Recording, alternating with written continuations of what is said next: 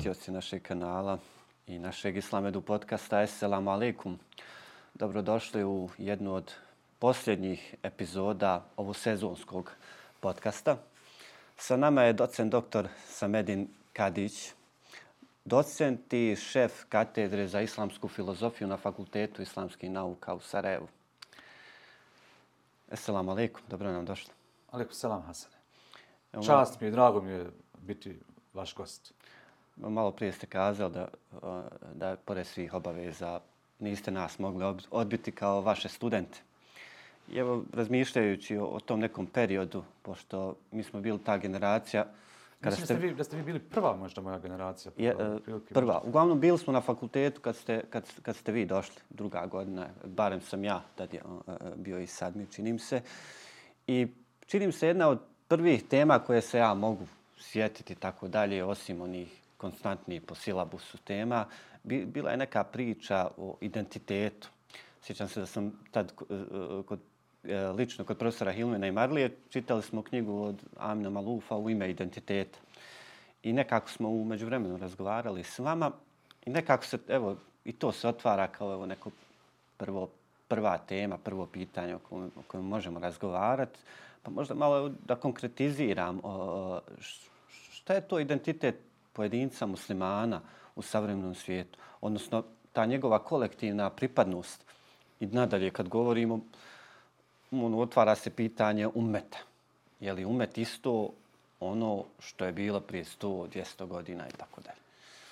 Pa to su, to su dva ili tri uh, različita pa. pitanja. Šta je uh, identitet pojedinca, identitet muslimana, onda šta je to umet napokon, kakve veze uopće ima ovaj umet uh, sa identitetom pojedince i tako dalje. Identitet je uh, pitanje kojim se ja dugo bavim, uh, što iz nekih vlastitih uh, pobuda uh, i razloga, a što zato što je to jedno od, od, od najvažnijih savremenih teorijskih pitanja. Koji su to moji razlazi? Privatni, uvijek sam se još uh, kao student, pa čak i kao srednjoškolac pitao uh, ovaj, šta je to što čini jednu uh, ličnost jedinstvenost. Jer sam, mm -hmm. sam uh, termin identitet, od latinske riječi idem, isto podrazumijeva nekakvu stalnost, da smo mi, uh, da smo mi stabilne, stalne, da ima neka ta uh, trajna uh, nit u nama koja nas čini onim što mi jesmo. Ja sam nekako identitet uvijek vezao za tu moralnu stranu, za vjersku stranu.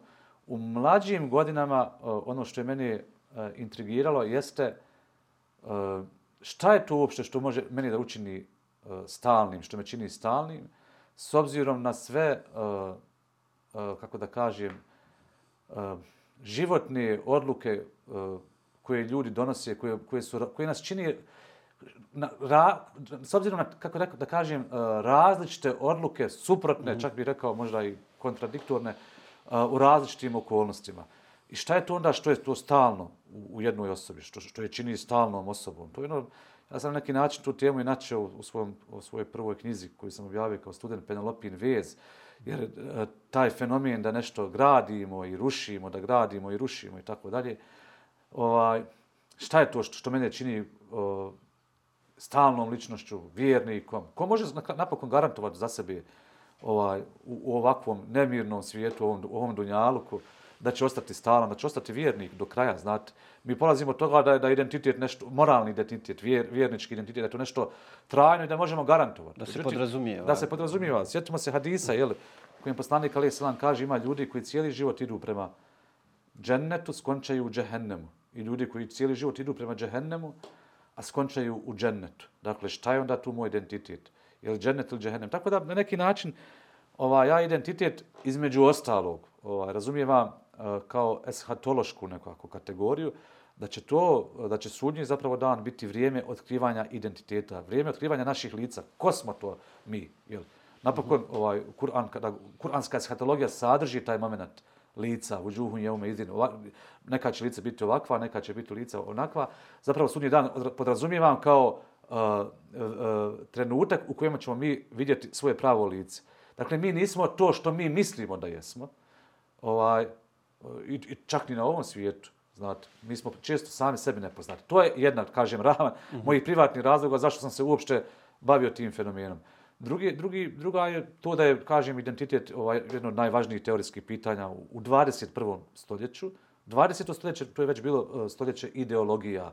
U smislu da pitanje identiteta je bilo, kako da kažem, zagarantovano. Vi, tačno se znalo kojem bloku vi pripadate. Ukoliko ste u istočnom bloku, e, e, podrazumijeva se koje karakteristike ili koji e, psihološki, društveni, pa i intelektualni profil imate. Ukoliko ste u zapadnom bloku, i tako dalje. Međutim, rušenjem tih blokova pobrisane su granice u svijetu. Živimo u jednoj globalizacijskoj topionici i u toj tip topionici, u tom svijetu bez granica je važno istaći svoju pripadnost, svoj identitet, ko smo to mi, šta, šta smo to mi, jer ovaj, e, e, identitet zapravo se tiče onoga, e, onoga temelja na, na čemu ćemo uopće da stojimo u tom svijetu bez granica, kako ćemo da uopće sebe prepoznamo. Ima ta sjajna knjiga, ovaj, pa nam pa mi u ovom trenutku, Zigmuna, Zigmunta Baumana, velikog sociologa, ovaj, fluidna modernost, fluidni život i fluidna ljubav, to je jedna trilogija koja tretira fenomen fluidnosti i između ostalog fluidne identitete, jel tako? Identitete su u globalizacijskom svijetu potpuno fluidni, dakle, uh, mogu se mijenjati, nisu više zagarantirani, ljudi mijenjaju svoje jezičke, uh, nacionalne, pa čak rekao bih rasne identitete, ovaj svoj rasni identitet. Da, ako mogu samo malo 20. stoljeće zagarantovan identitet, nije li postmoderna to malo promijenila kada je intenzivirana i tako dalje? Da je to baš tad postalo eto malo pa, fluidnije. E, do, postmoderna je, pripada to jedan fenomen koji se veže za 20. stoljeće u svakom slučaju ja. o, o, o, i koji je, koji je na neki način zajedno sa ekonomskim poredkom liberalnim i u događanjima u socijalističkom svijetu doveo do pada Berlinskog uh, zida. Ali bez toga pada uh, postmoderna je ipak fenomen koji se veže za zapadni svijet. Mm -hmm. To nije globalni fenomen. On će postati yeah. globalni fenomen ipak uh, sa pojavom globalizacije koja nije bila moguća prije uh, rušenja Berlinskog zida. Dakle, postmoderna i ona, ona u svakom slučaju uh, postavlja teorijske uh, mogućnosti ili otvara, taj teor, otvara prostor uh, za fluidne identitete, za fluidne, da mijenjamo. Dakle, identitet je nešto, nije nešto naslijeđeno, nije nešto zakovano, nego nešto uh, arbit, arbitrarno, kontin, uh, kontingentno, mm -hmm. slučajno, tako da kaže. I da se vratim na Baumana, on tu, tu sjajnu knjigu o fluidnim identitetima započinje jednim Emersonovim citatom uh, u klizanju po tankom ledu, spas nam je u brzini. Što znači, tanki led naravno simbolizira to odsustvo temelja. Nema više nekog čvrstog temelja. Nema više uh, tih političkih blokova. Nema više ni uh, tradicionalnog poredka koji je srušen, naravno, već u 19. i početkom 20. stoljeća, koji je tradicionalni identiteti su na neki način već uh, dekonstruisani. Uh, tako da je uh, vrijeme u kojem mi živimo se obilježava, uh, uh, uh, karakter, karakteriše se uh, potragom za identitetima, jer nema temelja ljudi, ljudi prosto traže, nalaze se u jednoj paradoksalnoj situaciji, važno im je da uspostave vlastni identitet, jer bez nekog minimalnog ova, identitetskog određenja nije moguće živjeti, a s druge strane okruženo s jednom fluidnošću mm -hmm. ova, u, koja, ne može, koja ne omogućava bilo kakav trajni set Eh, karakteristika da, da, da ostavimo na okupu, jel tako? Jer se sve previše brzo mijenja, svijet se brzo mijenja. E sad, problem sa identitetom i u tome eh, što se on tiče eh, emotivne sfere naših postojanja, naših bića, identitet je, to još i Hegel pokazao i kasnije autori, mnogi drugi autori su pisali to mi ali nastavljajući se prije svega na tu čuvenu Hegelu, neću reći pripovijest, ali teoriju o gospodaru i robu, gdje je priznanje ključno za nečiji identitet. Mi identitet ne, ne uspostavljamo sami iz sebi. Ključna stvar sa identitetom jeste onaj drugi. Kako će nas onaj drugi priznati? I od tog priznanja, da li nas je priznao ili nije priznao, uh, zavisi uh, uh, koliko ćemo zdrav, odnosno bolestan identitet imati. Jel, ovaj, jel tako? Zato kažem, evo vi ste spomenuli Amina Malufa, koji piše o tim, o tim ubilačkim identitetima, fenomenu ubilačkih identiteta, koji se upravo tiče tog priznanja, jel tako? Mm. ukoliko, i ta tema je naravno vezana, ona je široka, to je politička identitet i prije svega i politička tema koja se tiče i, i, i društvenog poredka, posebice u zapadnim društvima kada je došlo do velikih migracija i kako organizirati sve te različite kolektivne, prije svega, identitete, pitanje multikulturalizma i tako dalje. Ali evo, kad ste već spomenuli Malufa, da kažem da, da je njegovo zaista zanimljivo zanimljivo razumijevanje fenomena identiteta, gdje on identitet uh, podrazumijeva kao skup mnogih pripadnosti. On kaže velika je greška da ljudi identitet uh, uh, razumijevaju kao, kao, kao jedan jedinstven fenomen. Uopće se ne radi o jednom jedinstvenom fenomenu. Identitet je zapravo uh, ukupnost mnogih naših pripadnosti. Svi mi imamo različite pripadnosti. E, e, spolnu pripadnost, e, nacionalnu, intelektualnu, ovu, onu. Problem je u tome što se u svakoj epohi, u svakom društvu dogodi, kako da kažem, ozakonjenje ili prevlast samo jedne pripadnosti koja onda se koja onda se razumijeva kao cijeli čovjekov identitet. Znate, u vremenu nacionalisti samo obraćaju pažnju na identitet jedne osobe i uh, sve druge uh, njegove pripadnosti uh, guraju u stranu. E to je, to je kako on kaže, uh, uh, mjesto na kojem nastaju ubilački identiteti, kada reduciramo uh, identitet kao jedan, kažem, raskošan set mnogih pripadnosti na samo jednu pripadnost i kada druge ljude, druge identitete uh, reduciramo na samo jednu pripadnost. Tu nastaju onda ubilački identiteti, a suština je u tome da, uh, da, da trebamo insistirati na uh, mnogostrukosti naših pripadnosti i što čovjek ima više pripadnosti, to, time je njegov identitet posebniji i raskošniji, naravno. I u tom smislu da se vrati na pitanje sada, to. pitanje šta je sada tu identitet jednog muslimana. Naravno, kažem, i musliman je, nije cijeli naš identitet. To je samo jedna naša pripadnost. Mi imamo mnogo drugih pripadnosti. Naravno, po mojom mišljenju, Islam je najvažnija pripadnost, jer e, šta, šta je napokon, kad kažemo musliman, na, na, na koju vrstu identiteta se misli ovdje uopšte? Na koju vrstu? Da li na moralnu kategoriju, da li na političku, da li na intelektualnu? Sve, sam, sam taj identitet uh, muslimana ili muslimanke opet sadrži uh, set nekih podpripadnosti, tako, na koju, na koju uh, vrstu pripadnosti se misli. Uh, imali ste pitanje umeta također i tu je sad veliko pitanje šta umet uopće jeste, na šta mislite kad kažete umet? Ja mi, mi, mi volimo kazati, mi smo pripadnici umeta, pripadnici umeta i, i stalno to ponavljamo i tako dalje. Evo u nekom uh, uh, općem, raširenom razmišljanju i tim nekim parolama i stavama, postoje ti neki snovi o hilafetu kao jednom od o, o, oličiju umeta, jedinstvenosti i tako dalje. Neverovatno je koliko još živimo taj neki san uh, stvarnosti koja je bila u stvari. I pitanje da pitanje je li, uh, e, da li će se ona ikad moći ponoviti u, u, to, u toj formi tako dalje. Ja mislim da se tu radi o suštinskim uh, pogrešnom razumijevanju fenomena ummeta, da ummet u Kur'anu uopće ne znači to. Uh, kada Kur'an kaže inna hadhihi ummetukum ummatan wahide, to se misli na ummet kao na duhovnu kategoriju, a ne na političku ili geografsku, kako je vi mhm. podrazumijevate. Znači, vi zapravo govorite o ummetu kao nekom povijesno-historijskom bloku koji ima uh, postojane, prepoznatljive gra, uh, geografske uh, granice, koji ima centraliziranu političku moć, ja mislim da umet nije to. Da, da govorimo percepcijom. To je jedna percepcija. Eto, kao, to je jedna, ali koja, da. je, koja je najzastupljenija i yes. Koju, treba, koju treba dekonstruirati, koju treba dekonstruirati.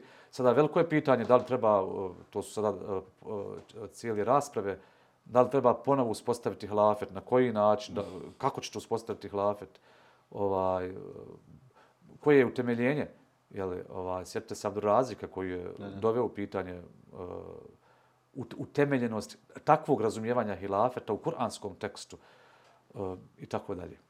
Spomenuli smo glo globalizaciju i kad govorimo o identitetima i tako dalje, ali i kada govorimo o krizama, mislim, ne možemo zaobići COVID-19 pandemiju, dvogodišnja kriza, jedan globalni musibe, da tako kažem. Ono što mene interesuje, e, bilo bi, u nekom momentu smo počeli govoriti o tom nekom jedinstvu naroda, ponovo, znaš, pa evo i nekom jedinstvu umeta, ako umet razumijevamo e, striktno kao zajednicu i tako dalje, neku veću i jaču zajednicu, nevažno, ali generalno cijeli svijet je bio u Belaju. Je li bilo iluzorno očekiva da ćemo sada u ovoj nekoj globalnoj krizi doći do nekih konačnih e, rješenja naših društvenih borki, nekog globalnog izlječenja. Stvar pokazalo se da su da je pandemija ogolila, dodatno ogolila mnoge nejednakosti u svijetu. Tako da. Na, naravno da je bilo iluzorno očekivati. Jer uh, pandemija COVID-19, ona u suštini uh, nije donijela ništa novo. Pa, e, sve su to fenomeni uh, koji su već postojali, uh, o kojima se govori u zadnjih uh, najmanje pola stoljeća. U zadnjih 50 godina se govori o tim fenomenima. Uh, intelektualci upozoravaju. Sad druga je stvar što danas u današnjem svijetu intelektualci nemaju neku uh, težinu i niko ne sluša. Intelektualci nemaju uopće moć da interveniraju u stvarnost. Mislite da neko sluša uh, Mislim, sluša neko, ali ne oni koji donose odluke. Uh -huh. Da zanima i šta govori Čomski u Americi ili um, Žižek ili bilo od ko od ovih uh, velikih intelektualaca. Tako da, pa nemaju uopće moć da interveniraju više u, u stvarnost. Pa veliki evropski intelektualci uh, su bili na strani Sarajeva, bili su na strani, na strani Bosne. Jean Baudrillard govori o toj mm -hmm. jednoj radikalnoj evropskoj ravnodušnosti koju, koju apsolutno ne interesuje uh, patnje Sarajeva, pa, patnje djeci u opkoljenom gradu, genocid ih ne interesuje. Uh, nije imala to nekog velikog odjeka, šta misli Bodrijar. Dakle, e, stvari koje je donijela pandemija su već bile e, e, prisutne. Ona ih je samo na neki način ubrzala i dovela do nekog vrhunca i, i pandemija je ipak po mom ovaj, mišljenju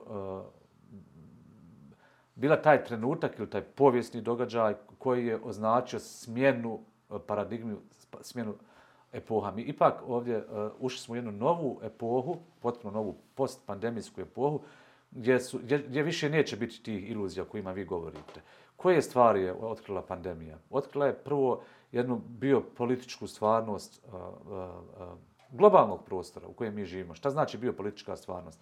Pa to znači, a o tome su pisali, kažem, autori već uh, i prije drugog svjetskog rata, tokom drugog svjetskog rata, Karl Schmitt je pisao o tome, Michel Foucault, Agamben, posebice uh, uh, italijanski, živi italijanski filozof Giorgio Agamben o, o, o vanrednom stanju koje se nalazi u temeljima e, e, svakog društva. Vanredno stanje je to temeljno stanje i u svakom trenutku mi možemo ući u vanredno stanje. E, samo, se, samo nas ta e, e svakodnevnica, politička svakodnevnica uljuljkamo, pa mi mislimo da se radi o nekoj e, stalnoj konstrukciji koju nije moguće srušiti. Dakle, moguće samo jedan, e, jedan prevrat da, da, da država e, proglasi vanredno stanje. Ovaj, šta znači vanredno stanje? Vanredno stanje znači da je zakon suspendiran. Uh, I da, naravno, to ne znači bezvlašće. Kod nas su neki ljudi ovdje, uh, politički uh, akteri, uh, su se ponašali kao da je vanredno stanje uh, uh, bezvlašće i onda su donosili neke odluke tako koje su vrlo sumnjive prirode. Druga stvar, uh, uh, uh, pandemija je, kako da kažem, osvijetila taj prevrat ili tu eh, duboku transformaciju koja se dogodila u obrazovanju. Jel? Eh, eh, filozofi, različni intelektualci godinama, stolje, ovaj, pardon, dekadama upozoravaju na, na taj fenomen instrumentalizacije znanja uh, i svođenja svekolikog znanja, duhovnih znanosti, na, samo na pragmatično znanje. Danas smo došli u tu situaciju da, uh, da, je, da, je, da univerziteti mogu da budu uh, da mogu da funkcioniraju online, potpuno online. Dakle, cijeli taj tradicionalni korpus, eh, tradicionalni fenomen univerziteta koji je podrazumijevao jedan stil života, cijeli jedan stil mm -hmm. života, socijalizaciju, razgovore, debate, je gurnut u stranu. I Giorgio Gambin uh, upoređuje uh, sve one profesore na evropskim, zapadnim univerzitetima koji su pristali na online model. Uh, sa intelektualcima u Njemačkoj koji su prihvatili Hitlera. On kaže, dubina izdaje je jednaka. Jer to, što, to, to potpuno uništava uh, uh, koncept univerziteta koji je stari, hiljadugodišnji koncept, je tako? Uh -huh. I zato je piše jedan sjajan tekst, on je pisao kolumne ovaj, ovim pandemijskim vremenima, piše jedan sjajan tekst koji se naziva Requiem za studente. Dakle, nema više fenomen studenta. Jer biti student ne znači samo učiti, nego to je jedan cijeli E, stil života podrazumiva, da, da, da komunicirate, da se družite, da idete uh, u neke kulturne ustanove, da nađete djevojku s kojom ćete, ili, ili djevojka mladića s kojima mm -hmm. će zajedno sazrijevati i tako dalje. To je sada poništeno.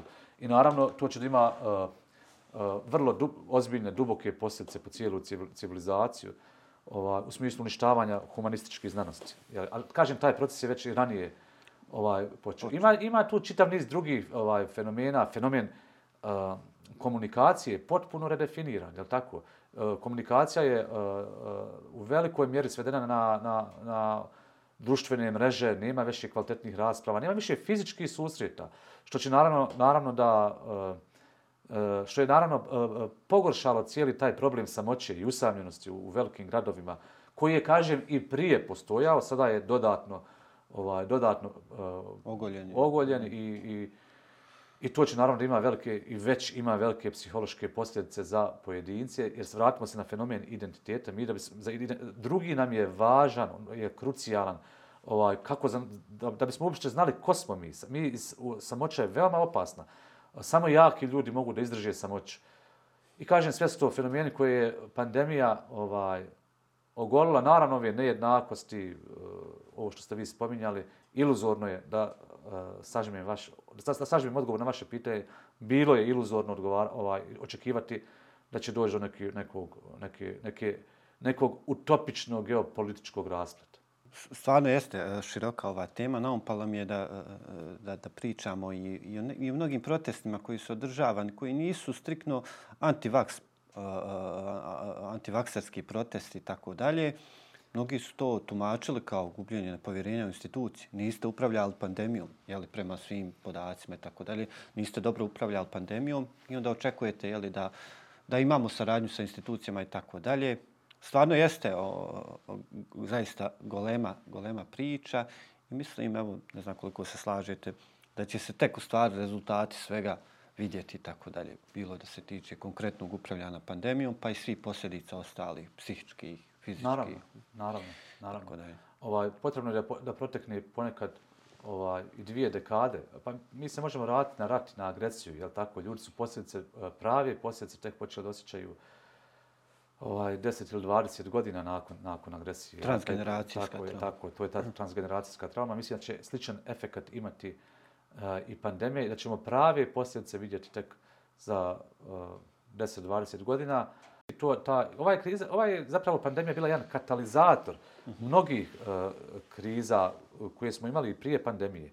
I ona će ih ubrzati čak i u ovom geopolitičkom smislu. Vidite šta se događa i u Rusiji i, sa Rusijom, sa Ukrajinom. Moguće da dođe do velikog sukoba Amerike, odnosno NATO-a i, i Rusije pandemija svakako može da jeste jedan od okidača za sve za mnoge stvari je možda nakon ove teme da se vratimo na čemu o čemu ste mnogo stvarno pisali i govorili ja se sjećam jedne kolumne koja je stvarno bila popularna uh, nakon što je objavljen vaše kolumne gdje ste naveli tamo primjer uh, je li veći grijeh ukrasti muj kravu ili pet uh, laptopa iz državne firme ili šta je već tamo stajalo. To je priča u stvari o općem, općem dobru. Uh, I korupciji. Da. Uh, čini se kao da propuštamo da čitamo u Kur'an, u stvari, koliko Kur'an insistira na, na općem dobru. Pa da, to, je, to je moj generalni zaključak da muslimani nisu dovoljno razvili učenje o općem dobru. To je, naravno, to je složen fenomen, pitanje osobnog dobra i općeg dobra. Kojem dobru dati ovaj, u kojim okolnostima, kada, u kojoj mjeri dati prednost. Zašto bi ja sad išao da ginijem za državu? Ovaj, e, e, zašto bi žrtvovao svoje lično dobro e, zarad zajedničkog dobra? Kako to objasniti ljudima koje sutra pozivate u rat? Dakle, trebate imati neki teorijski odgovor kada govorite o, o ovim stvarima. I kažem, to je stara priča, ali ono, ja sam zapravo do, do, uh, do tog fenomena općeg dobra i do, do suštinskog muslimanskog nerazumijevanja uh, koliko Kur'an govori o tome, je došao preko, analizirajući e, fenomen nifaka i lice mjerstva, mm -hmm. pisao sam jedan tekst u takvimu, fenomenologija nifaka, e, gdje sam došao do nevjerovatnog zaključka da se muslimani nisu uopće bavili ovim fenomenom nifaka, lice mjerstva, nego su tako vrlo, vrlo površno na nekoliko, na nekoliko, preko nekoliko hadisa u, uh, uspostavljali nek, neku uh, teoriju šta je to nifak, kao to je i pri čemu smo mi taj termin prevodili našim izrazima licemjerstvo ili uh, dvoličnjaštvo. Po mom mišljenju, uh, uh, termin nifak je dosta dublji i složeniji uh, uh, fenomen nego što je to, što to mogu uopće semantički pokriti uh, uh, naši izrazi licemjerstvo i, ili dvoličnjaštvo. Uh, Prvo, uzeo sam, uh, krenuo sam od toga uh, šta Kur'an kaže uopće za munafike. Uh -huh. I došao do zaključka, analizirajući kuranski tekst, da Kur'an uh, uh, spominje munafike uglavnom u nekim uh, vanrednim, ali striktno, uglavnom političkim okolnostima, kao što je uh, priprema za rat, kao što je fenomen izdaje, kao što je uh, uh, spinovanje i tako dalje. I onda moj zaključak je bio da, da ono što Kur'an zapravo u, nekoj, u nekom dubinskom sloju teksta podrazumijeva pod munafcima jesu ljudi koji identificiraju svoj vlastiti interes i opće dobro. Dakle, ono što je moj interes, to jest opće dobro, što se mene tiče. Je tako? Što se, odnosno što se da. nekog... Ovaj,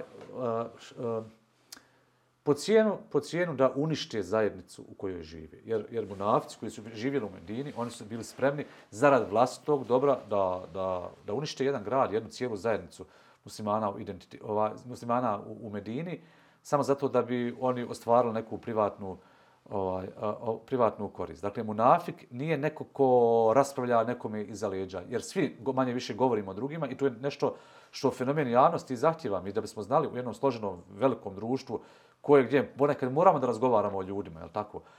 A, ali, ili, munafik je neko ko ne dođe na saba. Ne, ovdje se radi o jednom dubljem, dubljem zaista fenomenu. Dakle, munafik je osoba koja, koja, koja je spremna izdati zajednicu, izdati opće dobro. Odnosno, neko ko svoj privatni interes postavlja kao ključni kriterij, koji u nekim tim uh, turbulentnim, radikalnim situacijama neće se zapitati šta je to, eh, šta je to zajednički interes. Uh, I po mom mišljenju, uh, uh, fenomen koji, zapravo izraz u Kur'anu koji pokriva taj, tu temu općeg dobra jeste el ma'ruf, iako su muslimanski pravnici radije koristili izraz masleha, zajedničko dobro i tako dalje, ali u kuranskom tekstu čak mislim da se radi ovaj, o izrazu el ma'ruf, a sve ono što uništava zajedničko javno dobro jeste munker, jeste munker. I musliman, ili musliman po tome što će uvijek dati prednost el ma'ruf, odnosno zajedničkom dobru, uh -huh. i da će, zapravo, taj, ta velika sintagma, ključna, krucijalna, fundamentalna, el emru bil ma'ruf, ven nehju anil munker, znači upravo uh, Eh, ne naređivanje, jer niko nikome ne može ništa narediti, nego promoviranje zajedničkog dobra, eh, a uh, anil munker i, i, i protivljenje, uh, protivljenje uništavanja tog zajedničkog dobra. Šta to u konkretnom smislu znači? Pa evo, evo vi ste spomenuli da smo, da smo na časovima i možda razgovarali o ovim temama. Kada pitate studente, a ja sam na nekim drugim predavanjima ovaj, razgovarao, ne znaju zapravo identificirati šta bi to bilo opće dobro. Ja onda kažem, hajde otići na Wikipediju da vidimo šta znači opće dobro. I Wikipedia, prvi stvar koje iznese jeste e, čist zrak, čista voda, javne površine, e, čisti javni prostori, institucije. Institucije su mm. važne opće dobro. I onda mi stanemo kažem, to je zapravo El Maruf. Za stanovnike Sarajeva nema važnijeg e, El Marufa. Ima, naravno, ali jedno najvažnijih jeste čist zrak. Jer, jer, jer, jer to ovaj, Eh, eh, košta naše sugrađane eh, života i zdravlja. Kažem, mi muslimani rijetko ćemo izaći da protestujemo zbog toga. Izaćemo i zbog raznih nekih ra, e, situacija koje su globalne, kojima ne možemo ništa da uradimo. Ali rijetko će da bude neka hudba ili da kažem zajednička progla, pro, e, zajednički proglas a, najviše instancije koji trebaju svi vjernici da izađu i da protestuju, želimo, zahtjevamo čist zrak, jer je to prvo razredni ili maruf, to se neće dogoditi. Šta je to munker? Munker je uništavanje, uh, uništavanje općeg dobra, uništavanje uh, uh, ekološke, naše životne sredine, uništavanje institucija, uništavanje uh, pravnog poredka, procedura, uh, uništavanja, ako hoćete, javnog morala, e, kockarnice i tako dalje. Nevjerovatan je ta jaz, s obzirom da u našoj kulturi življena, u našoj tradiciji, imamo uh, toliku obzirnost sprem uh, e, privatnog prostora. U nas se ne hoda u obući. Jeli, sve mora biti čisto. Nevjerovatna je naša čistoća, evo, da, da uzmemo tako, i to je dosta izraženo u našim kućama. Međutim, s druge strane, ono što vidimo iz statistike pokazuju da uh, isti taj predmet koji toliko glačamo u kući i čisti, čistimo i tako dalje, u prvi potok. Naši potoci rijeke, rijeke su prljavi u stvari. I onda, onda vidiš da ima tu taj neki jaz između. Pa, to je, dakle, govorimo sada, kako da kažemo, uglavnom o muslimanskom problemu, jer, jer da. kad odete na hađ, to su gomile hađ, uh, smeća i tako dalje muslimani, a to je sve e, suština i u tome da muslimani nisu uspjeli razviti svijest o javnom dobru. Da je to zajednički prostor, da je zrak naš zajednički. Ova, i ja vidim, kažem, veliku odgovornost na našoj ulemi koja treba da redefinira uh, koja treba da odgaja generacije koje će shvatiti da zajednički prostor jeste između ostale i njihov prostor. I da je čak u nekoj mjeri važniji nego privatni prostor. Je zajednički prostor, kad kažem prostor, ne mislim uh, doslovno na prostor, samo da, da. prostorne površine, nego na sve ono što se tiče zajedničkog dobra, da je to jedini okvir koji može o, o, o, omogućiti uh, uspjeh i privatnog dobra. Vi kada uništite zajedničko dobro, ako nemate državi, ako nemate uh, čistu sredinu, možete biti milionir, ali vi živite u zagađenom zraku i živite bez države. Šta vam znači vaše privatno dobro? Tako da, po mojom mišljenju, to je najvažnije političko i moralno, ali prije svega političko pitanje danas muslimana, razvijanje kroz, eh, kod novih generacija svijesti o eh, važnosti zajedničkog dobra i da to zajedničko dobro nije ničije. Jer mi, mi često imamo tu neku komunističku svijest, da ono što je e, e, svačije, to je ničije. Pa to je ovo sve na, naše, pa mi možemo da krademo ove laptope kojima vi govorite. Ili ne, državnu šumu i tako. Ili državnu šumu ili bilo šta drugo. Na, na tenderima, haj državna šuma i nekako, ali na tenderima zajednički novac iz, iz fondova, e, to, to su ipak veće kraće. Ako možemo zaključiti ili pojednostaviti na toj skali licemjerstva ili uh, nifaka, nije samo uh, uh, nifak bole srca, kako se često predstavlja, nego to ide jeli, mnogo, no, mnogo dalje. Važne, važne su zapravo posljedice takvog djelovanja. Ključna da. je stvar koje su posljedice.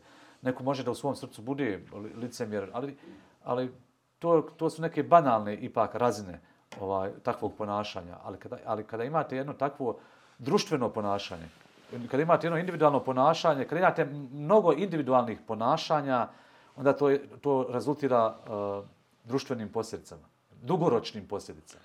Teško je s vama razgovarati da se ne vratimo na književnost i s obzirom da je za sebe imate jedan, za, za mladog čovjeka, slobodno možemo kazati, mislim... Uh, ja se nasjećam toliko mladim, ali hvala vam. Dobro, ja, ja definišem tu. dobro, dobro. Drago mi, to je kompliment. Hvala. Uh, postoji taj neki književni opus koji je poprilično zapažen mislim, moj prvi susret s vama je bio Penelopin vez. Sjećam se, nekom je dostavio to u Wordu. S, s, s, kasnije sam se počeo pitati, je to konačna... Tužit ću to ko vam je dostavio u Wordu. Kasnije sam se... Ne znam kako je uopće u javnost otišla ta neka radna verzija koja nije ni... To nekom je možda Mog, nekom prijatelju Moguće da je to radna verzija. Kasnije sam se pitao, pa možda sam ja čitao više... nešto što je izbačeno kasnije, ali o tom potom. Onda je došla paučina, pa evo, a, a, došao je i radio Piton i tako dalje. Uh, jedna snažna nit uvezuje vaše književno pisanje, jedan specifičan ambijent kojeg ste uspjeli predstaviti vanjskom svijetu. Rekli bismo riječi o jednom bogatom iskustvu uz listine religije, uh, da tako kažem, religije islama. Listine? Ja, da, da tako da, asocirajući jel, na, na, na izučavanje svekoliki znanosti i tako dalje. Svijet koji je sve samo ne mrtav i izolovan od utjecaja svakodnevnih ljudskih drama i tako dalje. Konkretno, šta je Samedin Kadić otkrio sebi tim pisanjem o tome? Pa ja mislim da eh, uh, baš se pitanje tiče onoga što bismo mogli nazvati svrhom književnosti ili zašto ljudi uopšte pišu. I, ovaj, um, ja nisam imao nikakvu namjeru da otkrivam bilo šta sebi. Ovaj, niti, niti, inače, kada pišem nemam drugu namjeru osim da se otarasi tog teksta koji, koji grosi kao teret određeno vrijeme. Ova, i druga stvar, ne volim da, piš, da, da govorim o svojim ovaj, uh -huh. dijelima. Knjiže, to, to je, ono je, knjiga je otišla na tržište, otišla u javnost i ja sam rekao to što sam rekao. Ne, ne, kako da kažem. Ovaj, ali ovdje možda da, da kažem da zašto je uopće književnost važna i zašto je važno čitati književnost, pisati i tako dalje. Posebice, e, to govorim studentima, e, zašto je važna za teologe. Jedan moj prijatelj je kazao da ne može biti pravi alim, prava ulema koja ne čita e, književnost, koja ne čita mm. romane. To je jedan veoma ozbiljan iskaz. Zašto? Zašto? Zato što književnost, svijet književnosti je svijet relativnosti. Cijela zapravo umjetnost. Ona nije dogmatska. Književnost je, ili umjetnost, to je prostor mogućnosti. Stvari mogu biti i ovakve i onakve. E, teolozi imaju veliki problem sa dogmatičnošću, posebice mladi ljudi, neiskusni, koji ne znaju da je život širi od svake ovaj, od svakog ubjeđenja, mislim, ne baš ubjeđenja, sad mi nedostaje prava riječ ovdje pa ću preskočiti, mm. ali, ali zato je važno, važno u smislu raskručivanja, e, da vidi da, da, da je život širok, da stvari uvijek mogu biti drugačije, da, da uvijek ima taj prostor novi koji se može ostvoriti. Otvoriti E, E, I u tom smislu književnost nam pomaže da se riješimo tih dogmatskih religijskih zakovanosti. Znači, samo ovako može biti i ne može, e, naravno da može biti drugačije. Sve može biti drugačije. I to mi nam govori i, jel, i Kur'an na kraju krajeva, pripovijest o, o Musa'u i Hidru nam govori koliko je Musa, ali je šokiran, jeli, ovaj, e, tim činovima jednog čovjeka koji potpuno poništava vjerozakon koji govori opet da je, da je život širi da. i od vjerozakona, tako da kažem, da postoje te absurdne situacije gdje ne možete prosto doći i aplicirati neki, neki uh, tekstualni plan na, na, na, na, na konkretnu situaciju. I zato je važna književnost, zato je važno čitati. A vi ste upravi, ja sam, uh, bavim se tim nekim svijetom, uh, našim muslimanskim svijetom. Ovaj, jedan ima mnogo razloga i naravno zašto to čovjek radi, ali jedan od razloga jeste što nemamo mi puno autentičnih pisac, muslimanskih prvopisaca i uvijek mi je čudilo kako ljudi koji uh, žive sa muslimanima, ovaj ne godinama, nego stoljećima, je tako, islam je u Bosni prije nego što je Amerika bila otkrivena, da nemaju uvidu neke temeljne muslimanske uh, pojmove, temeljna iskustva, jel, ne, ne, ne razumiju izraze koje mi svakodnevno ovaj koristimo. Tako da mislim da, da je veliki prostor uh, da, uh, za muslimanske autore i da, e, da smo dopustili da drugi govore u naše ime ovaj, i osjećao sam potrebu da u nekim stvarima kažem iz neke, da kažem, autentično, nekog autentičnog iskustva. Ono što ja držim važnim, ako mogu kazati, jeste da je, evo da, da to iskustvo bude preneseno i nekim drugim kanalima koji nisu baš, koji ne definišemo kao, ne znam, e, religijske izdavačke kuće. Da, da, naravno. Da. naravno. Ne, neka to budu drugi jeli, kanal. Meni je to barem onaj tekako važno. Jeli, evo, postojimo, čitamo se i tako dalje. Uh, otišlo nam je poprilično vremena, ali uh, neću da završimo uh, prije onog što sam planirao, a to je da pričamo u stvari o kraju, da pričamo o kijametu, odnosno o čovjeku i nadi. Uh, mi smo navikli na hollywoodske scene, uh, apokaliptične scene i sve više filmova oko toga i na tu, o toj temi i tako dalje. Bilo je sad i u toku pandemije, pa su neki stari filmovi uh, uh, uh, takvog tipa bili ponovo popularni, e, tražili smo i gledali smo i tako dalje. Vjerovatno je to neko uzbuđenje ljudsko, interesovanje i tako dalje. S jedne strane, kad saberemo sve te krize, čini se kao, evo, čovečanstvo je na kraju svoga postojanja, jeli, bez obzira evo, da li to govorio vjernik ili ateista i tako dalje, neki religiozan, nereligiozan, svejedno, ali uvijek ta postoji ta percepcija, perspektiva o kraju, o kraju svijeta, o kraju čovječanstva, dokle smo došli, dubine i tako dalje, ali uvijek postoji ta nada, Jeli? Iako postoji strah od toga da će nas zamijeniti, ne znam, roboti, vještačka inteligencija i tako dalje. Šta je sa čovjekom? Šta je sa budućnošću, budućnošću čovjeka? Evo, govorite kako hoćete, iz koje hoćete pozicije. Evo. Pa prvo, e, ta opsjednutost e, sudnjim danom, mislim da, e, da to opsjednutost krajem, tako da kažem, da to nije stvarna poruka Kur'ana. Da Kur'an ne želi da traumatizira ljude i samo da se bavi krajem. Dobro, evo, bit će sutra kraj, šta sad? Biće kijamet. Jer samo treba da se bavimo kijametom i da pričamo. Ja čak mislim da je to, da je to uh, ono što Kur'an naziva čak i nevjerovanjem. Ima jedan ajet u Kur'anu koji kaže požuruju ga, misleći na kraj, na sudnji dan, oni koji u njega ne vjeruju, požuruju ga. Treba im malo spektakla i tako dalje, jer ne, ne doživljavaju ozbiljno to. A oni koji u njega vjeruju, znaju da je istina i, i, i strahuju od njega. Poslanik kaže za zasadi, ili tako biljku, čak da znaš sutra. Tako, tako da muslimani treba da imaju jedan, uh, kako da kažem, uh, jedan lahak od, uh, stav prema tome kraju. Ako je kraj, optimističan. Ako je, optimističan. Ako je Bog odredio da je kraj, o redu, evo šta, sutra je kraj, večeras je kraj, šta sad? Tu ne mijenja ništa suštinski ovaj, u mom odnosu prema svijetu. Rumi kaže neka svako od vas bude svoj vlastiti sudnji dan. Ja mislim da je to poruka zapravo suštinska poruka Kur'ana. Da svako od nas u svom svakodnevnom, u svakodnevnom životu uh, živi svoj sudnji dan. A ta apokalipsa, ona je stvar spektakla uh, i, i muslimani ne treba da se bavi toliko njome. Naravno, uh, u muslimanskim krugovima je došlo do jedne eksplozije, ti, tog, ta, ta, taj žanr se prosto zove doom writing, kao ta jedna opsjednutost uh, apokalipsom, pa predznaci sudnjeg dana, pa ovo, ja mislim da to, da to nije muslimanski, da to nije muslimanska zapravo uopće autentična uh, percepcija svijeta, da je to zapravo deformisano vjerov, neko deformisano vjerovanje, samo bavljenje predznacima. Kakve to veze ima?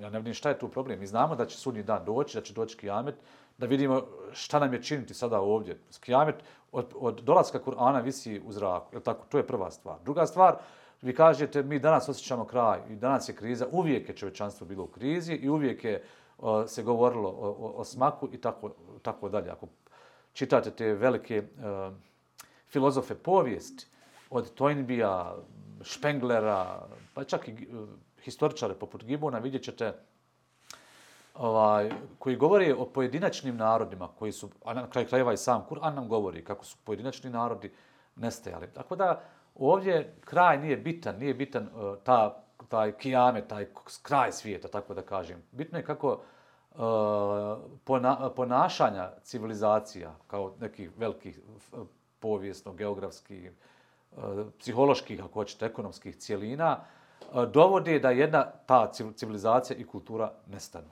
Uh, ako se sjećate, uh, možda se sjećate, negdje sam već o tome govorio, Toynbee kaže kako se civilizacije, uh, civilizacije nestaju ne ubijstvima, nego samo ubijstvima.